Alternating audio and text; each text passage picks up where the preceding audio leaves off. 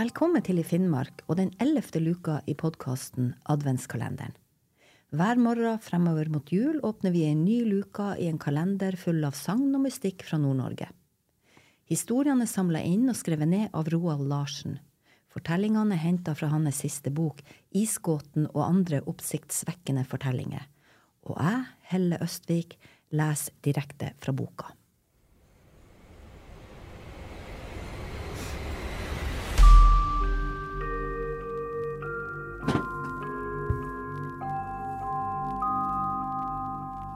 Vi åpner kalenderens ellevte luka med historien Fjertekongen i Kvænangen. Det var midt på dagen, og steikende varmt. Lokale folk, mest mannfolk, hadde møtt opp i landhandelen mens svetten silte fra ansiktene deres. Men de var ikke kommet for å handle. Akkurat som mannfolk i dag ikke er så glad i å handle i butikker, var det også tilfellet den gang. Så hva var det som hadde lokka dem til butikken på en så varm sommerdag? Dette skjedde i en butikk i Kvænangen i mellomkrigstida. Den gang TV ikke fantes, og Norsk Rikskringkasting, NRK, nettopp hadde fått monopol på all kringkasting i radio, men var i sin spede begynnelse. Få hadde råd til å holde avis, så folk måtte på den tida for det meste underholde seg sjøl og andre. Det sies at man ikke har mer moro enn man lager sjøl.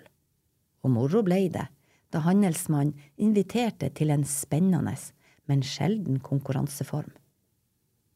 Svarene på hva som presist skjedde i butikken denne varme dagen, kunne variere noe ut fra hvem av de tilstedeværende som uttalte seg. Men én ting er sikkert. Denne smårare konkurransen ble avholdt til stor spenning og underholdning for dem som var møtt opp som publikum. Men samtidig svært krevende for artisten som hadde tatt imot utfordringa og skulle opptre. Denne beretninga er gjengitt av ei dame som ikke sjøl var til stede, men som kjente en mann som påsto at han hadde vært det. I Kvænangen på denne tida bodde det en mann som het Frode. Han var så fæl til å fjerte at han på spøk ble kalt for Fjertekongen. Men hva som verre var, han gjorde det både i tide og utide.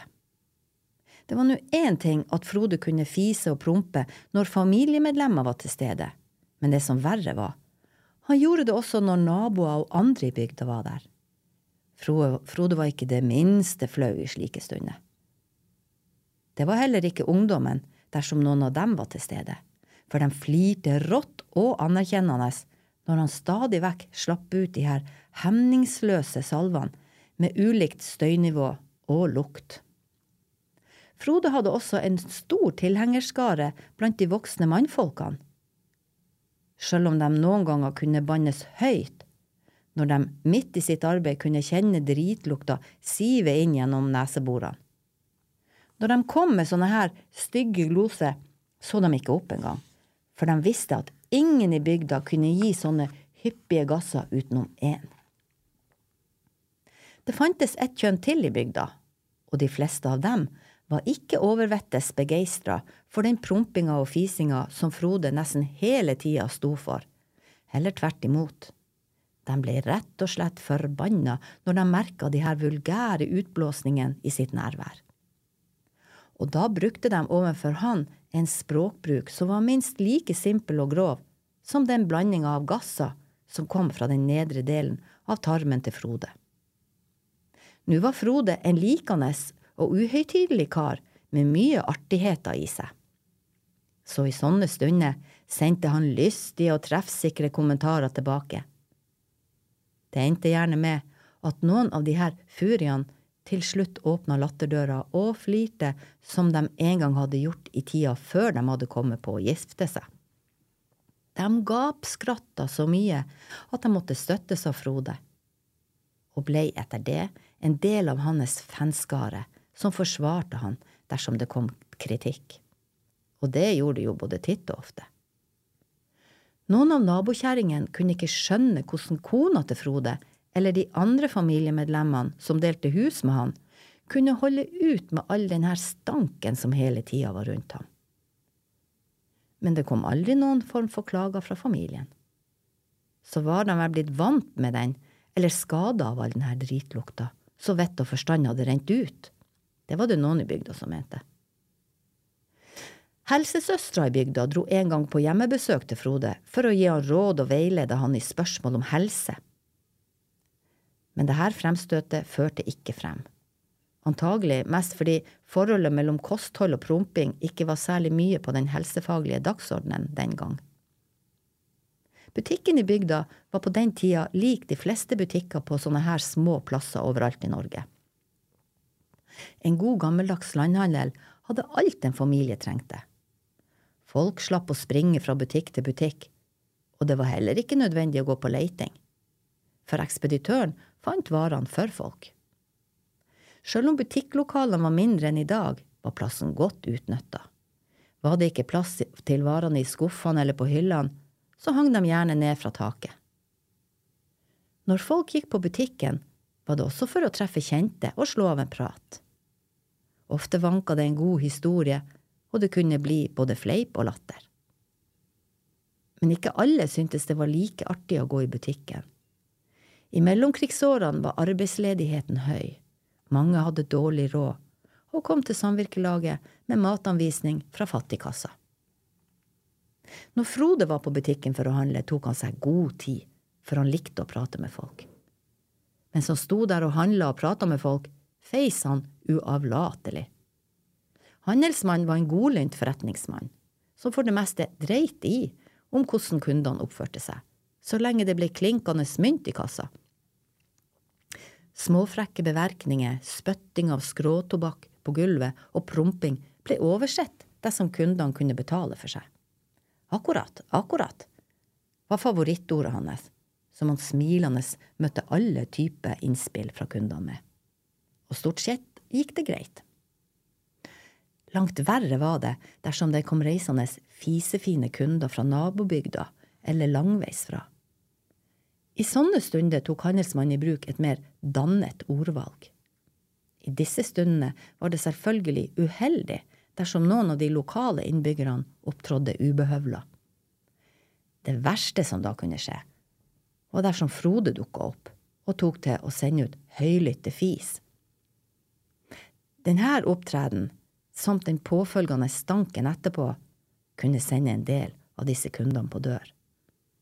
Når det her skjedde, kom ikke kundene tilbake. Og det som verre var, mange av dem var ganske talefør og hadde stor anerkjennelse på plassen der de kom fra. Denne butikken ble derfor automatisk svartelista av en del av innbyggerne der. I hvert fall den fisefine eldre garde, som uheldigvis ofte var dem som hadde mest penger. Når sånne hendelser inntraff, kunne det i en periode bli et noe anstrengt forhold mellom handelsmann og Frode. Men det varte som regel ikke så lenge, fordi begge gubbene var veldig godmodige av seg, og likte dessuten hverandre sitt selskap. Så var det en gang handelsmann og Frode tok seg noen øl i lag. Det skjedde på butikken en kveld etter at den var stengt. Stemninga ble etter hvert god, og de to godlynte humoristene fortalte vitser til hverandre og flirte så de skreik og mens de holdt på og tulla og tøysa, sa handelsmannen. Greier du å fjerte hundre ganger etter hverandre, skal du få en melsekk, hva du sier? Nei, hva du sier, sa Frode. Han kvakk til da han hørte at det var snakk om så mye mel. Fordi denne nødvendighetsråvaren var ganske kostbar på den tida. Den gang brukte alle husholdninger, bakte alle husholdninger sjøl brød og annet bakverk, og mel ble det gjerne for lite av. Handelsmannen smilte lurt og sa at Frode ikke hadde hørt feil, og at han mente det han sa. Innerst inne tenkte nok handelsmannen at han hadde lite å tape. For vel var Frode fæl til å fjerte, men det fikk da være måte på. Handelsmannen tenkte at konkurransen derimot ville skape positiv blest om butikken hans, og føre til at det ville komme mange tilreisende for å overvære dette veddemålet. Han så for seg at de som ankom stedet, trolig ville komme til å handle en del varer, så det ville trolig bli en bra omsetning denne dagen. Handelsmann og Frode ble enige om at det noen besynderlige veddemålet skulle foregå om ganske nøyaktig én måned. Det skulle vise seg at handelsmannens antagelser hadde nådd for seg. I tida som fulgte ble det hviska og tiska om det som skulle skje. Fiskere og andre reisende kom innom stedet og fikk høre om veddemålet, og de brakte denne nyheten med seg til folk på hjemstedene sine. Sjøl om handelsmannen ikke vågde å henge opp noen plakat i anledning veddemålet, var det smekkfull butikk den dagen da denne bisarre hendelsen fant sted. Ja, utenfor sto det til og med folk som kikka inn gjennom vindusrutene, fordi det ikke var noe plass på innsida. Midt i flokken av hovedsakelig mannfolk sto Frode og gjorde seg klar. Etter at handelsmannen hadde takka folk for fremmøtet, introduserte han kort Frode, som deretter satte i gang med å fjerte. Da det bare var gått i underkant av to minutter, hadde Frode lekende lett pressa 30 fjerter ut, så publikum sto bare og måpte. Frode smilte fornøyd tilbake, også fordi det var herlig for han å få lov til å stå der og prompe hemningsløst. Til vanlig prøvde han jo egentlig å holde igjen prompinga når han var på butikken, men det var ikke alltid like lett å ha kontrollen på kroppen. Frode var jo egentlig et oppegående menneske med en vanlig dose folkeskikk men hadde liten kontroll på lukke, lukkemuskulaturen. Og derfor kunne han ta til å prompe i selskap med andre. Da han hadde nådd et antall på 45 fjerter, stinka det i hele butikken. Det lukta råttent egg, så publikum som sto der, måtte holde seg for nesen. Helsesøstera, som var ei av de få kvinnfolkene som hadde greid å komme seg inn i butikken den dagen, prøvde å berolige forsamlinga med å si at siden Frode var så glad i kjøtt, egg og melkeprodukter, så var det meste av lukta bare svovelgass som oppsto når tarmbakteriene fikk protein fra disse produktene, så det var ikke noe farlig. Da Frode hadde sluppet ut tarmgass i et antall av 60 stykker, fordelt på fis, fjert og promp, var det, en, del, var det en av de mannlige tilskuerne som plutselig falt om og deisa rett i gulvet foran Frode. Om det var den kvalmende prompelukta, følelsesmessig stress eller lavt blodsukker som var årsaken til at mannen besvimte, er noe usikkert. Men handelsmannen tok ordet og kommanderte at både hoveddøra og bakdøra til butikken måtte åpnes. For nå måtte de ha en femminutters pause, sånn at den verste av dritlukta kunne sive ut.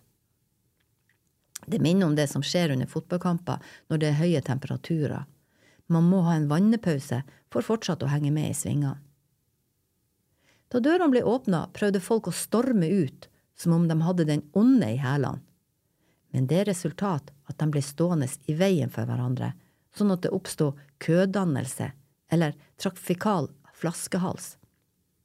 Et begrep som brukes i overført betydning om noe som hindrer full gjennomstrømming.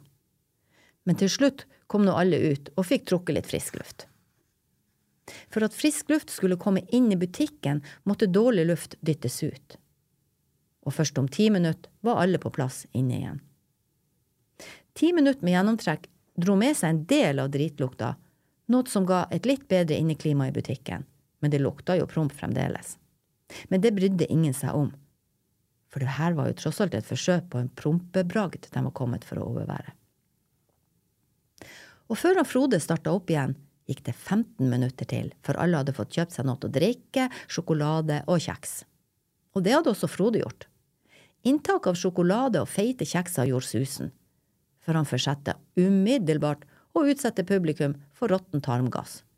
Han feis og prompa uhemma rett foran folk, og den ivrigste delen av fanskaren heia og klappa og ba om mer.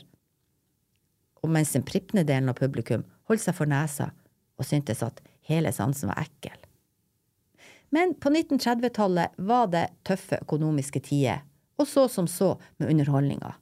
Så de kjempa mot kvalmen og ville være med på moroa som det tross alt var.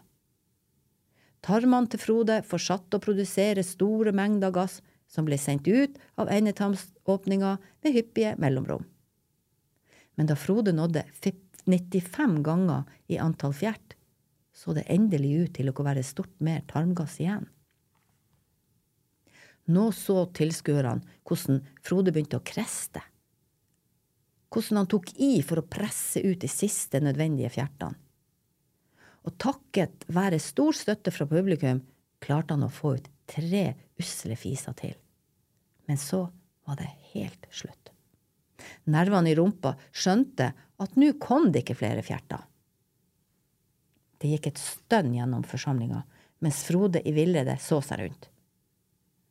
Da fikk han midt blant publikum øye på en mann som het Håkon. Denne karen var kjent for å fise veldig mye, men var ikke på Frode sitt nivå med hensyn til antall utslupne fis i døgnet. Til gjengjeld hadde Håkon en form for tarmgass som lukta så jæklig ondt at mange tok det som et tegn på skjult forstoppelse, vil si at de trodde at han hadde avføring liggende i tarmen. I sin fortvilelse ropte nå Frode navnet hans og ba han om å hjelpe seg med de to siste fjertene. Heldigvis var Håkon en mann som ikke reagerte negativt, men sank straks ned på Frode sitt nivå. Han løfta den ene beinet og slapp ut to bråkete promper, til stor applaus fra publikum. Mengden fjert, kraften den ble pressa ut med, og vibrasjoner i endetarmsmuskelen var faktorer som spilte inn da han i ettertid skulle forklare det høye lydnivået på, på de her to fjertene. Etterpå sto Frode og Håkon sammen foran publikum og fikk applaus. Frode ble offisielt kåra til fjertekonge og mottok en melsekk fra handelsmannens egne hender.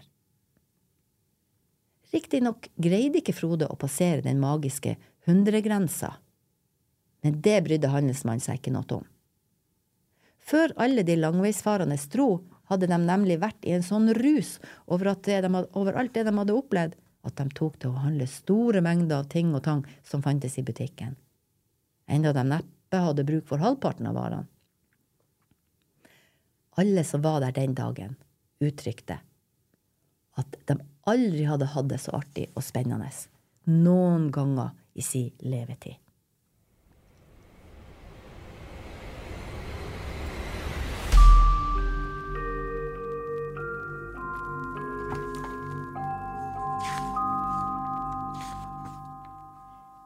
Det var ellevte luke i, i Finnmarks podkast Adventskalenderen. Mitt navn er Helle Østvik, og jeg har lest historien Fjertekongen i Kvænangen. Fra Roald Larsens siste bok Isgåten og andre oppsiktsvekkende historier utgitt av Arktisk Forlag.